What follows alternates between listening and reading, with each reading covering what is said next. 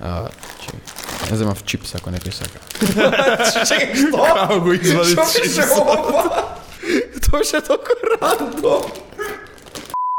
Парк Шема, сезона 2, со наш гостин Бојан Таневски, главен вокал на Хајка. Да го купите списанијата на скала. Имаме феноменални ствари. Многу ќе ви се свиѓа. Голи девојки, ово она, хихи, ха-ха. Конечно пак имаме Имаме екшол списание да печатено покажеме. издание.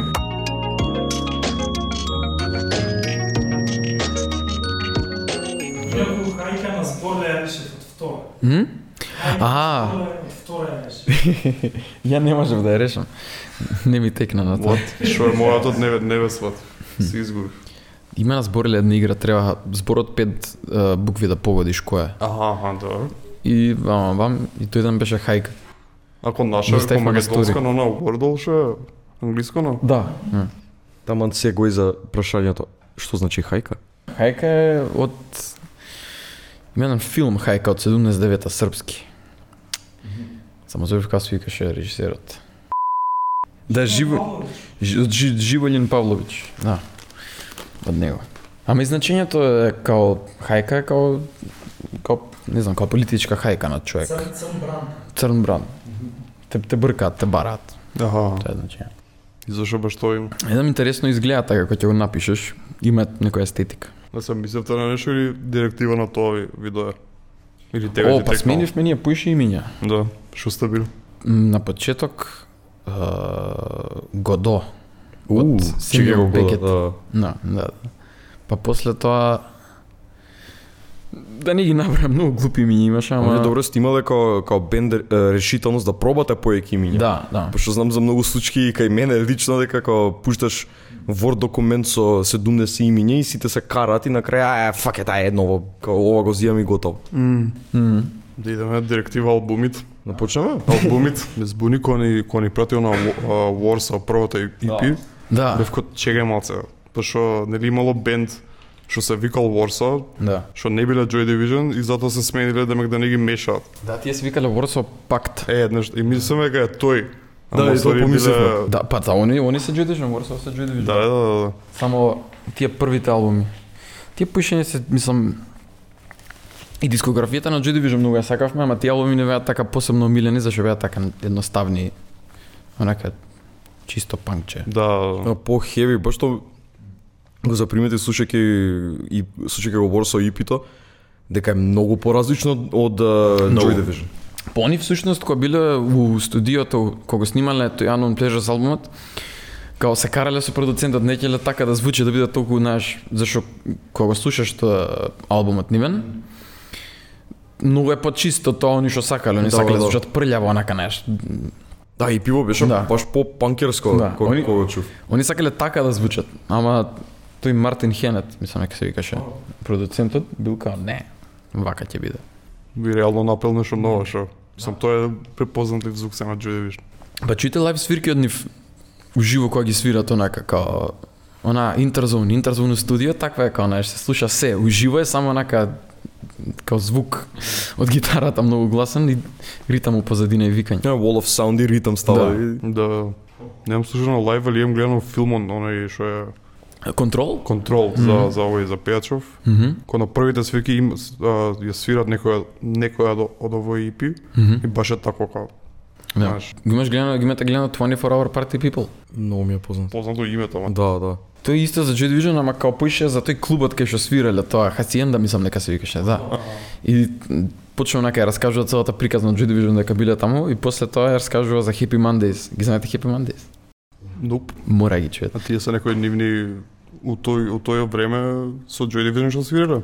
Они се така негде средни 80 Аха, аха. И они поише прават така како денс, да речеме рейв музика. Како да кажем, како постпанк скрос. Ама после, знаеш, почнуваат да прават глупости и стануваат онака парти бенд. Аха. И нема врска, тие се тој англиски бранд на од постпанк. Тоа е интересно кога кога размислиш за Joy Division исто и за пост-панк као бранот, што го викаш дека беше присутен тие неколку години активно Мгм. и повеќето бендови кога се ребрандира Као се се тргна од тој па поеќе отида на реверско диско, нешто Да, да. така, као нели Joy Division New Order. Да, да. Cure што едно звуча као чатпат еден период као од 80-тите баш се пребација на поп што би се рекло. Ама баш имаше многу бендови така што се ребрандира као еден период, па после крај на 80-тите, 90-тите се вратија actually на пост-панк и на no wave жанрот. Да и после прекине се пак го имаме она англиско на Да, новиот англиски бранд мислам дека многу ми се свига. Сега денес? Да, денешниот. Мгм, да, да. Idols, Fontaines, Shame. Да, Shame Squid, кои други, Многу. Proto Martyr исто, Black Country. Black Country New Road, Definit... TV Rage. Да. TV, Re- а? TV Rage. TV, Re- TV Priest. TV Priest. Sorry. TV Rage се наш кумановски бенд од многу давно. Па, па што ми вле- ми влегло у subconscious. TV Rage. TV Rage. Гледате ги на, ако никој не свири на YouTube, свирка пет- 15 години.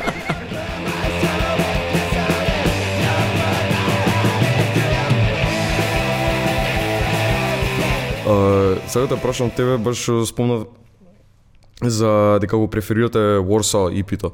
Као, вие као бенд, као што поеќе музика слушате, кои жанри или као бендови вака омилени заеднички? Па се, не знам, да, тоа се Све слушам. А, м, тие класичните, Velvet Underground Stooges, а, Butthole Surfers, тие се Да. А, Ама сте се нашле со звукот кон не дека мгм. од скроз различни позадини доаѓате. Мислам барем со вкусот. Па не знам, некои одредени ритми ни се свиѓаат, ги пуштам и автоматски, не знам, ја ќе ќе ќе покажам нека песна, на сите ќе им се свиѓа, ќе продолжиме да ги слушаме. Аха. Некои други се ќе направи така. И така, знаеш, природно си доаѓа тоа. Ако ти се свиѓа, си го слушаш. Да. А као почнете да свирите? Па, средно. Да. Сакавме да... За три дена култура нешто беше фестивалот. А, Како да кажам? бендови, па да, немавме бендови, немаше бендови, си викам ајде ние да се покажеме. И като тогаш свиравме со друг тапанар и гитарист. И спремевме неколку песни, ги отсвиравме. И добро поминавме и ни се свиѓаше тоа. Си викам ајде поише сакаме. Е, сори Хагади од, од средно, од тогаш постои. Мгм. Првиот албум кој е 2021 така. Мгм. Не, 2020. 20? Да. Као, као идеше процесот да од средношколски бенд па е сега студиски албум. И тоа албум албум има се не, 25 а за албумот, чекай, че Да. измешав. Не, албумот е 2021, јас за првото EP мислев. А, имате и други. Зашто си го бранко. Да, да, Ја да. мислев само тој албум од првиот. Не, не, име прето едно EP. Непрекинато движење.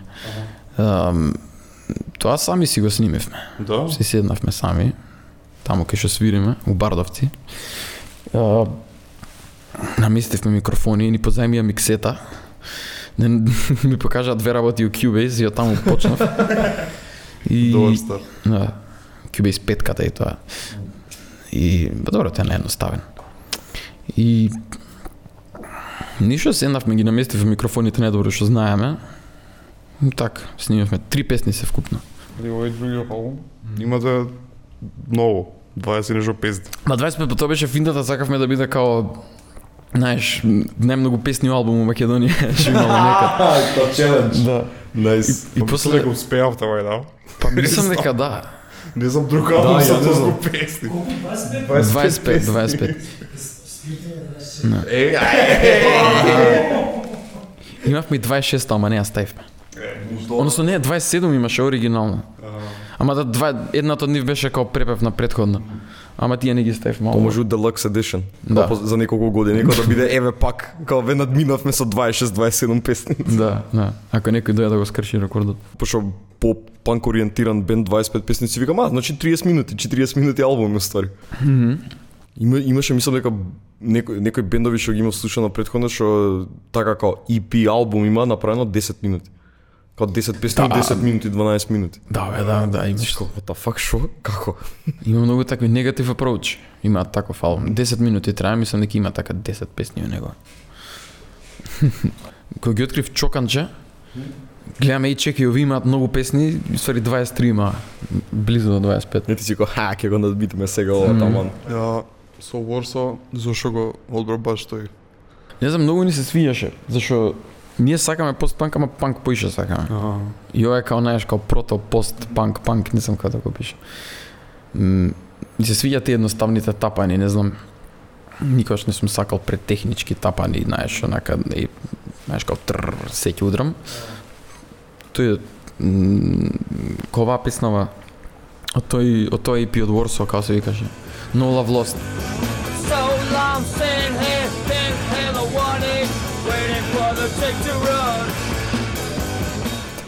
Многу ја сакавме таа песна.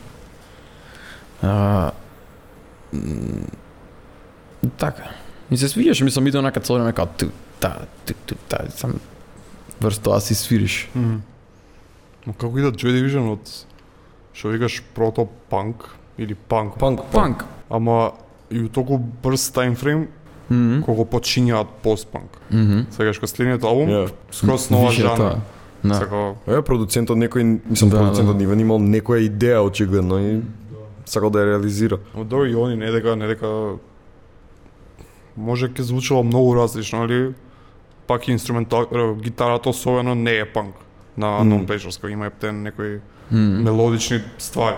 Да, подсеќа на некои песни на Сабат подсеќа. На оваа, ко оваа како се викаше, ко Day of the Lords рифот многу ми ја така многу Тоа подсеќа е на Сабат. многу многу добра песна. Да. Повеќето песни на, на Unknown Pleasures би рекол дека може да се сопна како побрзо се свират погласно како панк песни, Мгм. освен последната. Та I Remember Nothing. Да. Таа таа е едината песна што некако ќе чум сука, оке, ова е концептуална песна, ова е како баш повеќе на Swans ме потсеќа на на Daughters или нешто така, како нешто поморбидно, по забегано. Да со тоа звуците у базадинот врати као Врати као се крш шишиња, столици паѓаат, како тоа е пак едината песна што би рекол кога не се совпаѓа како панк песна, баш е концептуална. Мгм, така постмодернистички. Да, да. Но чујте зашо не им се свигало звукот што им го дал овој. Како имале баш кај пењето на Иен е многу различно од ипито на, на Да, албумот. да. Мгм. Као му е птен е таков по агресивен, по изгребан, а вамо е знаеш, смуд као иде. И уште се чувам како ќе издржи он со, мислам и панк песни и све да свири како со епилепсија. Бе, баш затоа не можел на, на крајот не можел толку да ги свири, да ги пее, односно, поред баш поред тоа. Дали луѓето мислеле дека дел од ект као прв пат се десило. Као дека е дел од, од перформансот. Mm. А овој си ден, пошто нели така денса, као има Па многу специфичен чуден денс. денс има, како многу awkward. И одеднаш паѓа на земја и го прави тоа, како и вие си продолжиле како. не ми се свија шипио како го имам чуено и многу одамна пред да го пред да влезам со Unknown Pleasures со Joy Division. Бев како онака е уште еден панк бенд. Али после кога знаеш дознаваш дека имаш и Unknown Pleasures и Closer, како го гледаш малце со друго, со друго Мгм. И Warsaw EP тоа ми беше eye opening, пошто никад го немав чуено пред да го препорачаш. Мгм. И сега денеска и вчера кога го слушнав прв пат, бе, онака ми даде убава перспектива за Unknown Pleasures и Closer, Мгм. како што се десило да еволира до тој звук. Истата филозофија, да. едноставност, Да, минимализам. Што многу ми се свига музика, како ме. минималистичка музика е по интересна, некако по Мгм. дали е дали да е депре, дали е енергетична, да- агресивна, како ако е симплистична е некако поубава. Мгм. Ги имаш чуновија Wire, Многу ми се познати, ама можно рандом како песна некој имам чуено од нив. тие ќе се свијат многу сега. Тие се баш онака имаат почнато така исто кој е скроз панк и после тоа стануваат поедноставни, поедноставни и на крај мислам дека со електрични тапани свират. Да. Као, најс. ама подоцна. Ам, ама и тие се излезени од истото тоа движење. Тоа се по- почнато од Баскокс или од овој други филм што го пратив, од The Idiot. Од таму доаѓа се тоа, тоа, Па знаеш, да, едноставност. И тоа малце темно чувство што ги имаат сите тие албуми. На Баскокс никад, мислам, според мене не, не отидоа кој што отидоа Joy Division. Да, во Англија стана познати како многу кратко мислам дека Ама беше. тогаш Joy Division кога почиња Баскокс беа поголеми од нив, кога Joy Division отварале за нив. Да, да. И после Joy Division станале тоа што се, Мм. а овие некако obscurity си останаа. Па да, зашто биле панк и панкот од тоа време било као знаеш, као знаеш, на еднаш огромен подем, било многу актуелно у моментот. И знаеш, тоа што дупло посилно гори, дупло побрзо завршува. И затоа валјда. Ама, пас кога си се тие оригиналните. А се караат цело време кои се првите, дали се овие како Рамонс или Sex Pistols. Рамонс викаат, не, ние од 74-та свириме. Да, па Баскокс имаш едно кај што ги прашуваат, Uh, за тоа викаат we are just a bunch of nice boys playing music. Nice boys. Имате чуено Джони Ротен? Неговиот втор бенд после Sex Pistols, Public Image Limited. Да, да. Мене поише ми се свиѓаат Sex Pistols. Зашо пак истиот као Attitude, ама така малце поинтелигентно. Мислам тори Sex Pistols, но класика сега. Не може да не ги сакаш, ама така Public Image Limited, Limited ми е така не знам по цинично, Аха. да речеме. Така се смеува со сето тоа уште поише. Е, Sex Pistols беа повеќе како чиста агресија, фрустрација и како Да, не, прв пат кој кога така ги отворив на кај YouTube, си викаме и Знаеш, онака ти зборат да, со да. интензитетот, не може таков заразене. Ти ги чуеш и не ти скачат после од глава. и затоа експлоита многу ми се свига мене кога бев дете. Кога тоа беше првиот панк бенд што го открив. Не ми се свига само ради ловот.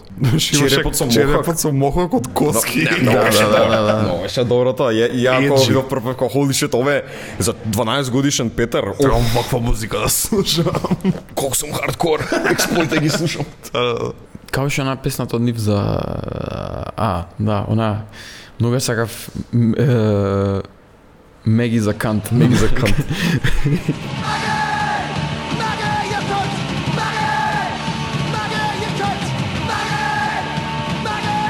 Но секад беше да барем за панк жанрата секаде толку симплистично, толку така еднократно што би рекол како си тера, ама као што им приметен има многу саб жанри уствари на панк бе, музика. Секој може да го прави тоа.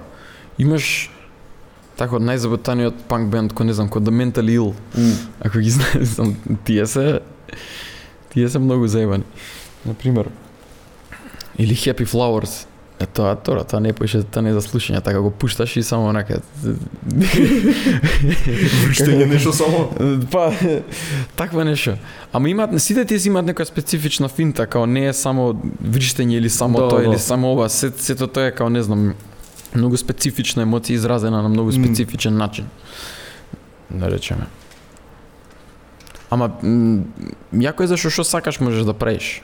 За мене тоа значи тоа као Не, чисто не е као знаеш треба да си не знам анархист или треба да си не знам да носиш кожњак или нешто такво, туку е поише као што знаеш, Што ми Што на- сакаш на прави. срце, што ми лежи на срце, што ти да, Ја. да. Имаше гледав видео рандом или читав као артикол за еден од најпрвите панк бендови од 58 59 од Америка. А, нешто не ми текнало ни името, нешто The Monks или Monks се вика. Беа четворица, петорица типци од армија вратени ко discharge, не знам што им се десило, ко и буквално избричени како actual monks Аха. типци вика таква нападна, агресивна музика за 50-тите. Пеа за, за military industrial complex, за политика во Америка, за све што се случуваше и они се едно од најпрвите бендови што го имаат како пее на тој изборено за тоа.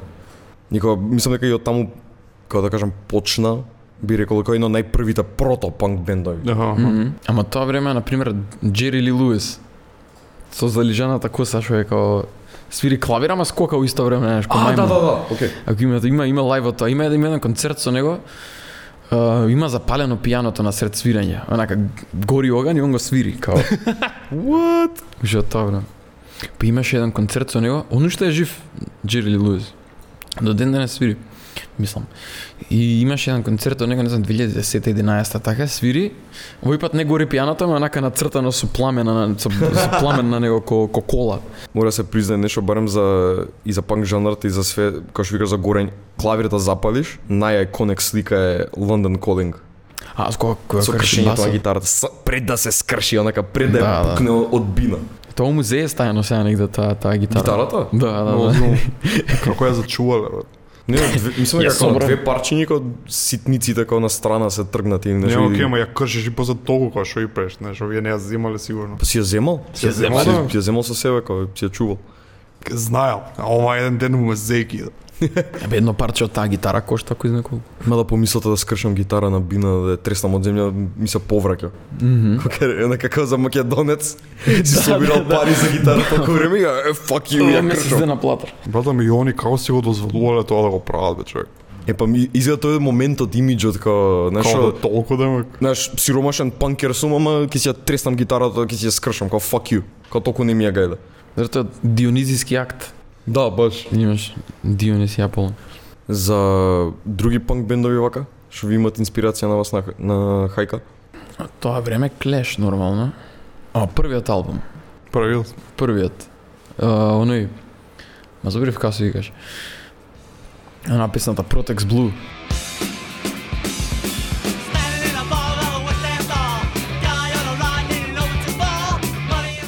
А Black Flag? Нормално. да, да. Од нив се има преслушано. И пуштено. Nice. Кој сме веќе тоа? Контроверзно прашање. М, Она има кур. Да. Рамонс, Блицкрик Боб. Тука има, има нешто тука? Оригинално, па не беше тоа замислата, ама нека ќе ти текне некој, некој, некој риф во глава Аха. и го свириш, си викаш ова добро звучи, кога ќе го направиш, после тоа ти текне и чекај, ова е цари друга песна. Ама нема врска. Не, Уопште не беше од таму тоа, така ни текна да ја направим. Не не мислев на тоа. Така подсвесно ти доаѓа валјда што имаш чуено. А не врска тоа си се пренесува од Рамонс, мислам дека сите имаат земено нешто. Да. Зашто наједноставни немаш као ритамот е тој, Да, гитарата да, да. е таа и врз тоа имаш само, знаеш, забавна мелодија. Ма на почетокот не биле многу лоши, ги заебавале за тоа, зашто некако таа едноставност што ја добиле после тоа на почетокот била смешна. Што затоа што се познати денес, тоа тогаш било смешно. И дека го извежбале тоа како што треба. Многу специфичен глас имаат. Да. Као, Мгм. ако слушаш дека, ако го трнеш само гласот, Да. го знаеш дека се Имате слушано како зборат, колку колку густ акцент имаат и Марки Рамон Да. како збори она като и скрос, не знам од кај тоа Бруклин. Така многу специфичен акцент имаат. Знам за овој за Джои Рамон. Он имал шизофренија уствари. Као од мал. Да. Ама бил откачен тој скроз. Као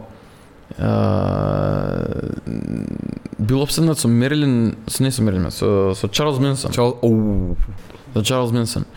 Ма пази, со Чарлз Менсон и со Хитлер у исто време. Океј. Вомбо комбо, окей. Да, да, да, да. И као има едно го прашале зошто го сакаш туку Чарлз Менсон, вика вика исте како Хитлер само боле. Ама боље. Ама боле. Добро причина. И као What the fuck? да, да. Ке те прашав за процесот за правење песни со вашиот бенд. Као, као вида? Поише джемање. Джеми. У моментот што ќе ти дојде тоа. Ја ќе некоја мелодија ќе изработам врз тоа. Имам лист, имам едно 5000 наслови и зборови у телефон. Ќе одберам еден. И тоа иде. Ово си имаш нека сет баш. Као... Мгм. Не, цело време запишувам нешто. Константно ми работи мозокот на тоа. И имам така бесконечно идеи у телефон. И само ги влечам ко на рефл. Да. Да. Као за имиња за песните или као екшол и за текст и М, фул? Кој како ќе дојде, ако имам некој спремен текст што е добар, ќе го ставам. Ако не, ќе напишам нов. Ама наслови секад имам. Да. Да. А со текстови како иде процес? Е тоа многу го така, не знам, го имам си го размислувам цело време, зашто нема дефиниран процес тоа.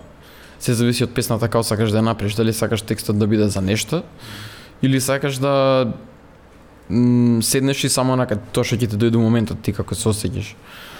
Ама така како пишуваш, општо се е тоа, знаеш, треба да се погоди инспирација, треба да се погоди, знаеш, спремност, треба многу работи да се погодат, за да го направиш како што треба. И сега финтата е да пишеш што поише за тоа полесно Да. ти оди. На текстови така иде. На овој, на, на вториот албум ги напишав многу брзо сите. Ама да. Имаше зачувана нека инспирација и текстови и све и. Ба, Ај оден.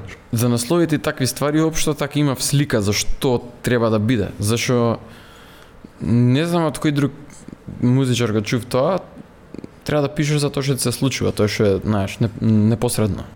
Зашто за друго нешто не знаеш. Не знаеш што се дешава во Русија, не знаеш што се дешава во Америка, знаеш тебе што се дешава. И затоа си пишеш, што недоро го знаеш, што недоро можеш да го опишеш. Имаш некои текстови кај што седиш, на пример, си напишал нешто Мм. и сега да го преработам ептен за да биде добро демек или ова е напишано излегло тоа од мене првично и тоа е тоа. Па најчесто се зезнува ако го Ако го преработуваш. ако го преработувам. А понекад знае подобро да ама да ретко. Да. Зашто така тоа моментот што ќе го напишеш, ама пак викам пак е до методот. Зашто еден метод е да седнеш, да го напишеш, па да го преработуваш, па да го местиш, да го правиш ти како што сакаш, друг метод да го напишеш и одма онака како супа од зборови, само Да, тебе да. да излезе. Да, да. И тоа, не знам, цело време читам за разни методи на начин на пишување на песни, како The Fall. Ако ги имате слушано. Да, да. Он, пејачот Марк И. Смит, например, него многу сакам, зашто он, он како ги пишува песните, односно конкретно текстовите, седнува и она така нормално многу начитан човек и у почеток е како во прозна форма, во проза, односно пишува, знаеш, како нек, еден вид краток расказ за нешто. И после тоа го го мести, го компаилира, го, го ги спојува некои зборови одредени зборови што што му одговараат, ги мести и тоа искача текст на крај. И ствари е како еден еден начин кондензирана приказна за нешто. И начесто се измешани зборовите. М. И така вади различни значења. И се имаш, например, као Девид Бој, ги пишал текстовите на, оној, на катап техник, кој што правил овој, ко Вилиам Бороуз. Uh, ама тоа више дадистичка, нели, да. као тенденција. Uh, така, зимаш весник, им, не знам, мислам дека беше Тристан Цара, uh, тој е еден писател од дадистите, уметник еден, во тоа кабаре Волтер што отвореле со, со Хуго Бал. И он доаѓа, вика како да бидеш најоригиналниот автор на светот. Зимаш весници, зимаш два артикли од весниците, ги сечеш зборовите што се свиѓаат, ги ставаш у капа, ги мешаш, ги фрлаш, ги бредиш како што се свиѓа, бум. Оригинално нешто. Да. После ти се чудиш што значи. Да. Ама значи нешто. За секој значи нешто. Ама дали? Ама најнаш од, од намерно станува подсвесно. Тој не е толку е, како да кажам, не, не placeholder, као оп, општа лирика дека што било кој може да се пронајде, кој ја Мгм. слуша. Да. Као за било што као да, да се асоцира као оно сум глупа ама мимо that's me. Као загаш ќе ја чуеш песна си као oh shit that's me. Да. Никој да. за секој за различна ситуација уствари да се асоцира на твојата Мгм. песна и на твојата емоција и да биде као окей, Мгм. се пронаѓам у твојата фрустрација, пошто мене и ова и ова ми се дешава, сигурно и тебе ти се десува, може и да нема врска, као не, Мгм. од капа си ги зимал лириката. Као скрос рандом е. Да. Не знам, нека не сум пишувал, ама сега си го замислам дека тоа е најтешкиот дел од од музика правење, не знам зашо. Кога најонака вајда најне познато, па дека за- па за тоа. Пишување. музика имаш сет као тие се нотите свегаш. Мгм. А ваму кога да имаш, имаш? азбука, имаш зборови, ама Мгм. имаш многу поише начини како да Да. ги комбинираш него ноти што можеш да ги комбинираш. Така и многу подешко. Ама сега е битно да запамтиш дека што сакаш може да правиш. Да. Као Флипер, бендот. Имат песна ха-ха-ха што се вика. Рефренот е тоа, знаеш, пее нешто и само кажува ха-ха-ха-ха-ха-ха. И тој тој е само од рефренот. И тоа кажува нешто, не е ништо. Ама дали е добро на крај да свегаш? Да. За кој како? Е па Гле, има луѓе што го сакаат Джиджи Елен. Што сигурно Ама за лириката. иде на работа и ја слуша лириката дека пополно Excel shit. Као тоа се Да. дешава. Ја мислам за музика дека буквално као што и да пуштиш, има некој на светот што ќе рече, "Оу shit, ова ми се свија." Мгм. Па што и да е. За лирика, не знам, мене како најтешкиот дел сега ми било и и сега ми е како едно пишувањето е окей, ама како да го преведеш у пеењето. Како да се совпадне со песната што е направена веќе или како како да го пренесеш за песна да звучи добро. Пошто текстот може да и зву... мислам кога ќе го читаш е супер, ама Мгм. у пеена форма дали е добра или не. Па некои па добро некои викаат боле знаеш по звучноста да е побитна на пример. Аха, не е битно што пееш, него да е Да. Ковиот Happy Mondays на пример. Знаеш, нема ако ги читаш текстовите, такви се сосема откачени, нема врска со Да, бе, да.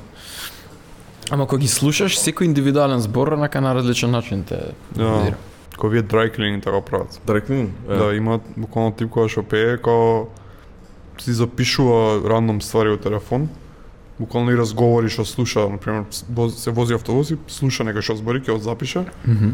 и тој е лирик на крај на денот. Ама го пее на, не, се совпаѓа со тоа што викаш, Мгм. да се совпаѓа со. Do everything and feel nothing. Wristband, theme park, scratch card, lanyard.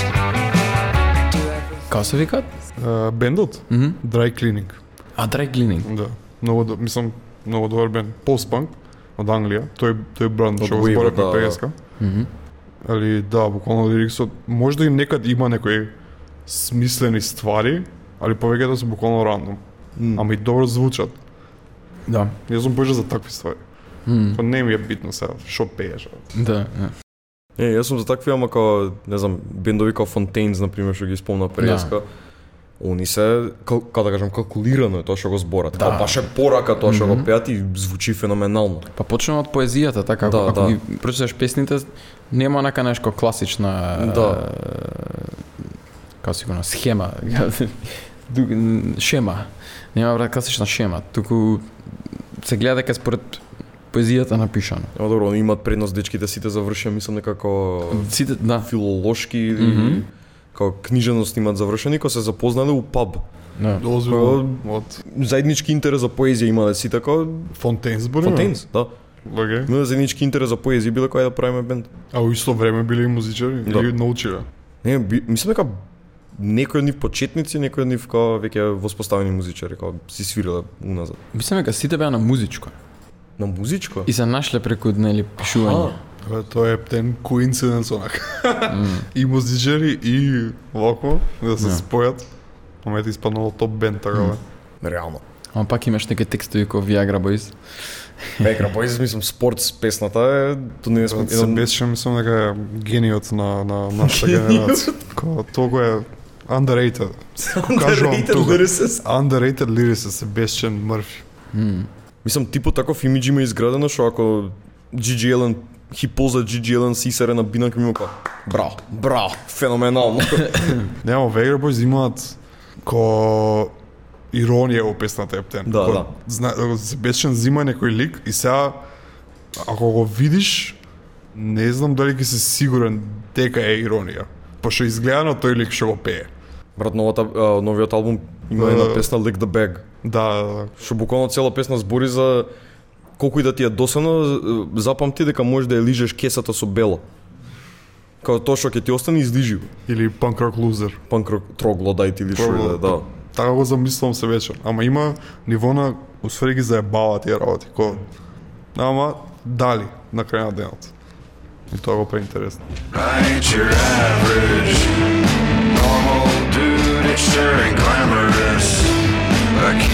Нова трака, нека машина. Мгм. Што е причала? Пошто примети ви дека Ептен от, отидовте, пошто првиот албум што го да, слушав, Мгм. Ептен е по-агресивно. А вамо е некако по реге панк, нешто како Bad Brains, нешто такво. Малце по-меко и едва пее се. Што другиве ви се, нели, минута и пол Мгм. панк класика. И што е причата за зашо тој шифт? И дали уопште мислам го планиравте тој шифт? Па не е така, тоа што а, шифтот е главно у како да кажам имавме тапанар лани знаеш кај ќе многу е тешко најдеш тапанар што ти одговара Што и као има кажа новиот Мелвин вика бендот ти е добар колку што ти е добар тапанарот и тешко е да најдеш си викаме како се снајдеме ќе пробаме знаеш со ритам машина Аха, аха. знаеш, се пуштено од компјутер или нешто. И така истражувавме такви различни бендови што така свиреле. Па ги имаш Sisters of Mercy, ги имаш овие The Human League, ги имаш uh, Мод и ги имаш Big Black што ги спомнав тоа. Ја си вика, мај можеме нешто вакво да направиме као знаеш електронски панк така да го наречеме. И не знам, ја сенам да правам телефон такви као такви ритми некои интересни. И од тој период си реков, мај така ќе ги тераме стварите, така ќе ќе правиме песни. И нека машина од тоа излезе. И затоа така звучи малце по софт.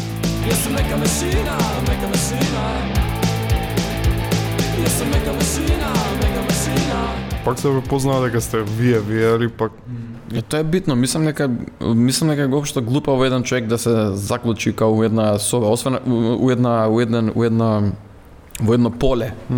Зашто еден човек има повеќе таленти. Да, да. И сега он може и тука се изрази добро и тука добро. И сега не е битно ја м, денеска е поп, може утре ако сакам, ако ни текне да направиме, направиме немрсната панк песна, нема врска таа. Да. А како ќе ти дојде, така и иде таа. Значи, и усвари, сега терате со, со тој звук или тоа ви е само као с- експеримент сигнал деш? Па сега новиот албум така нешто ќе звучи, Така нешто.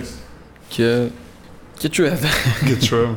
Значи има да спрегано нешто беше материјал, снимавте ово на. Ние спремно сега моментално го снимаме. Треба да се доисполира. Треба да се доснимат некои работи. Кога, кога да го очекуваме албумот? М, Или не се знае? Па, како ќе си дое? Пробуваме така по плански ја го тераме, ама кој ќе да стегне притисок, го правиш побрзо. Сега, не, Тоа, ќе видим. Валја следниот месец. Ама, Стварно? Ја мислев ќе кажеш таму да, да, негде. ја очекував кога да речеш, е, за година За дена ќе година, биде не, може така. 6 месеца. Не, не, по, го почнавме да го правиме од зимото. Аха. Зимото беше така, така по чуден период. Седевме и ги правевме песните оригинално како демо кај нас у, сту... у пробувална. Земавме компјутерче, сами онака си ги снимавме да видиме што може да направиме со Да. ритм машина моментот. Ама да. Ќе кажеш за демо малетот за Have a Nice Life. Што Да, дека изгубиле главните Ја. снимки. Да, Има може нека бенд тој таков, звук. не знам. а, Ги знаеш? Мгм. Единиот човек у Македонија што ги знае. Они ги изгубиле оригиналните траки што ги има мастерното спремно све за да пуштат албуми, кога технички албумот е само демо Мгм. од сите песни. Демо е? Демо е. Сите траки се дем, се демо траките. Не се оригиналните и кога баш зборевме со Андреј вчера дека кога може боле што не искочила финалната верзија. Да, демо траките се звучат. предобри. Мм. Едино ми е криво за вокалот. Ја. Вокалот кога уживо да го чуеш мисля на Пејачов на Have a Nice Life и у студио е кога ден и ноќ. Абе, може би педали се стана микрофон што го. Ај тоа Да да. си гази. У, дали би извини, ќе те прашав, Мм. а, ш- шо педали имаш користено ти? Што за Као за или за бас или за гитара? порано кога свирав? Да. Не, не, не, не користев никакви педали. Само сакав поише да биде на требл басот, онака на повисоки ноти. Аха. Не ќе толку да биде ниско. Зашто ми се свиѓа така кога да басот е поводечки инструмент. Барам ја кога го свирав. Која води мелодијата главни врз тоа гитарата додава, на пример. Е по панкерски постпанк. Тоа е по постпанк. Ја. Да, да. Си. Се согласувам со. Ја. Кога зборувавме преска, ја те сватив дека уствари ти од бас си се прифрлил на гитара и вокал. Не, Само вокал? само вокал. За вежбање кога правеше нешто кога било што или кога часови зимање слично или директива кога trial and error вежбање. За пеење? Да. Никад часови не сум взимал. Мислам, не видов потреба. Веќе да пеам ко Калиопи или нешто. Ја поише сакав така, као м, текстот ми беше битен онака добро да го испотенцирам. Да биде нагласено. М, Секој збор да биде нагласен како што треба. У, за последниот албум што го препорача Фенг. Да, да. А, ми истрипа малце, Мгм. пошто технички тоа е лайв албум, спојка од два. Да, технички лайв албум, па Свати дека е спојка уствари на два албума или нешто да, така. да, Shark and Where Да. the Wild Things Are. После Pop нај најмногу ми се свигаше. Warsaw, да, Warsaw ми беше по поеќе онака како е интересно ми да видам спореба со Joy Division како како беа и New Order. Ама Fang ми беше доста кул. М. Како нека многу напет бенд, онака енергетичен. Имаш видено лайв од нив? Видео? Не. Пријаки се. Хиперактивни онака како мислам клеш кршење ово она или Не поише онака цело време личи кога да ќе експлодира, а знаеш, нема екс... експлозијата е таква као м, не знам како да опишам, као пред пред пукање цело време. Ја, Ама да, јаки се они. Тој и, и они имаат интересна прича, на пример овој пејачот на Фенг. А, знам дека а, као ја има фатено женска му со некој друг и има удавено до смрт. Ау, го читав тоа денеска. Да, да, да. Да. И после тоа отишол во затвор онака, не знам кој две Шест години, за години, убиство. така нешто. Не знам, мислам дека беа многу помалце. Требаше поеќе да му дадат, ама јас сватив дека како 6 години само лежал mm -hmm. затвор. Да, типот, не, знаеш што било фората? Извини, а, тоа што читав денеска беше како типот дилал есед Па, тоа не знам. и открил дека женска му прави моабет со некој типот што исто е дилер на есед Оу, да бе, да. и ја паднал у љубомора кога скренал скрос една вечер и бил како ти сакаш да ме предаеш како не знам да ми ги земеш стварите, а него му ги даш да ги продава и која задавил. Ко, what the fuck? Да. Зема, ама добро, покрај тоа музиката им е супер.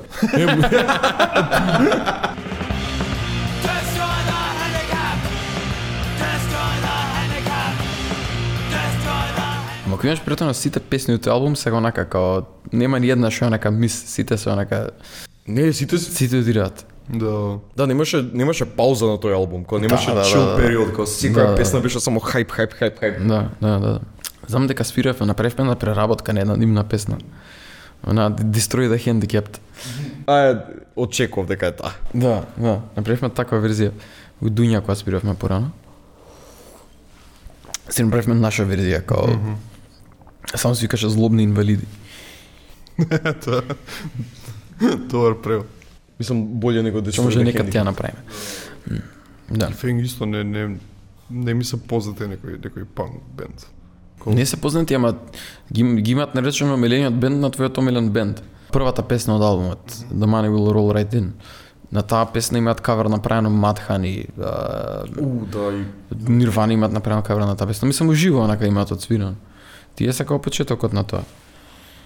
На тој период. Ама тој албум кога го чувме, онака баш се ни се смени. Прво ги слушаме Warsaw и така постпанк ствари, ги слушаме Фенг и се викаме, знаеш, почна песната и слушаш само пиштење и само, знаеш, така тапаните. И тоа ни се свиеше многу. си беше име. И тоа го почна тој период. А за за вториот албум кој од што имате повеќе инспирација?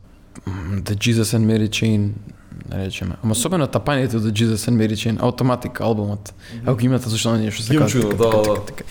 Тие тапани, ја многу ги сакам, например, ние општо ги сакаме.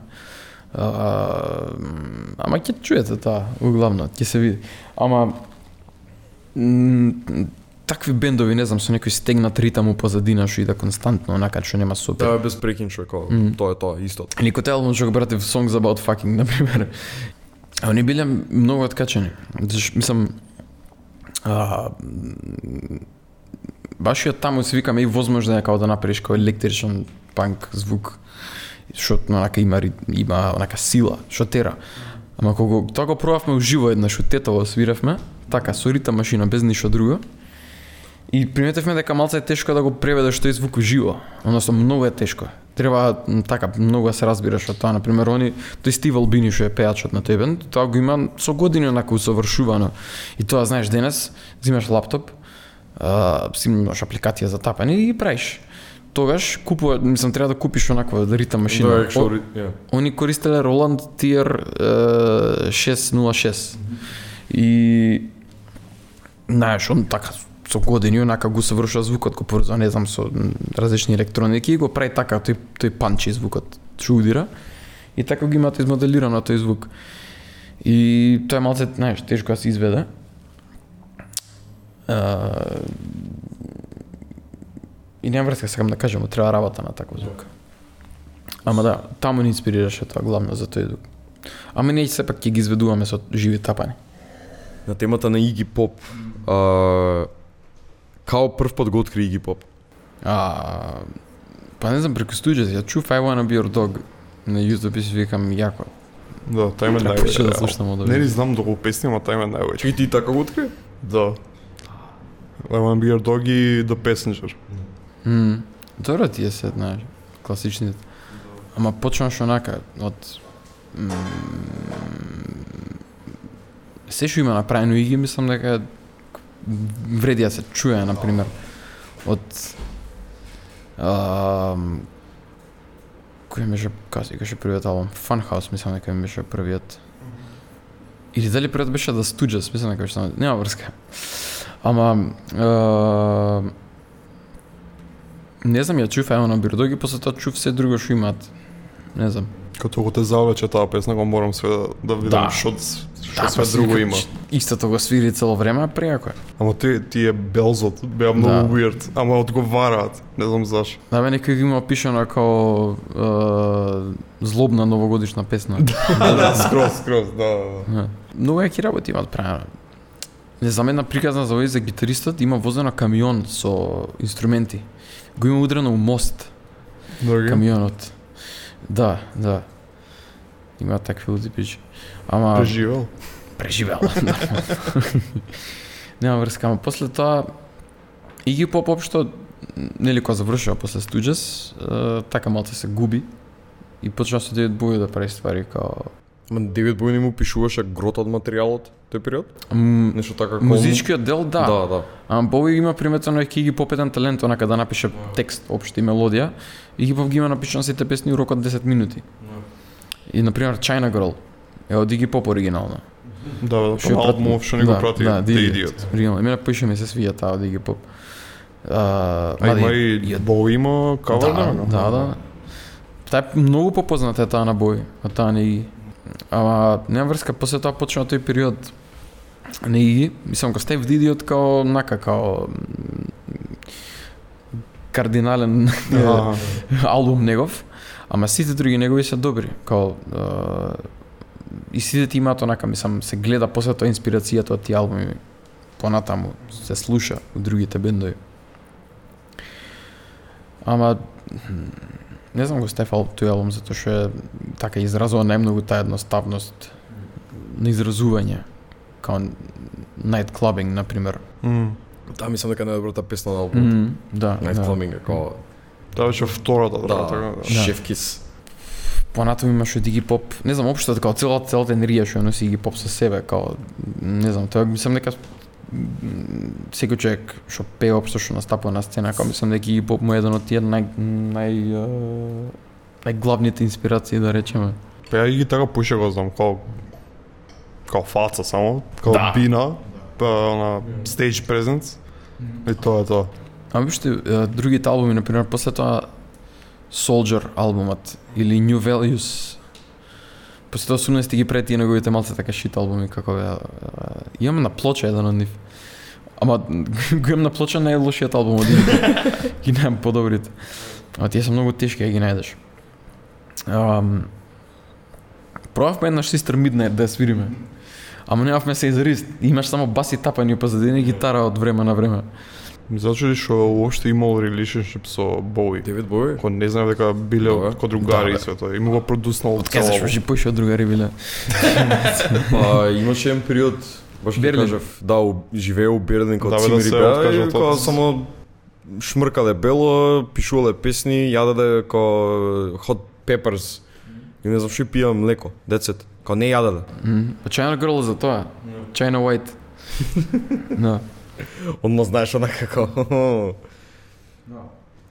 Ja, тоа тоа драмите за, мислам, Девет Боуи и Ги Поп и Девет Боуи и Мик Джегер. Секад ќе бидат како Што е со Мик Джегер? Did they fuck or did, didn't they fuck? Да, а, не знам. Каде ме имало период кај што сите шпекулира дека премногу време заедно поминувале и, и со Иги Поп, мислам Девет Боуи со Иги Поп и со Мик Джегер и со како, А, а вие се ебете готово. М. Ама не, знаеш што е главната као...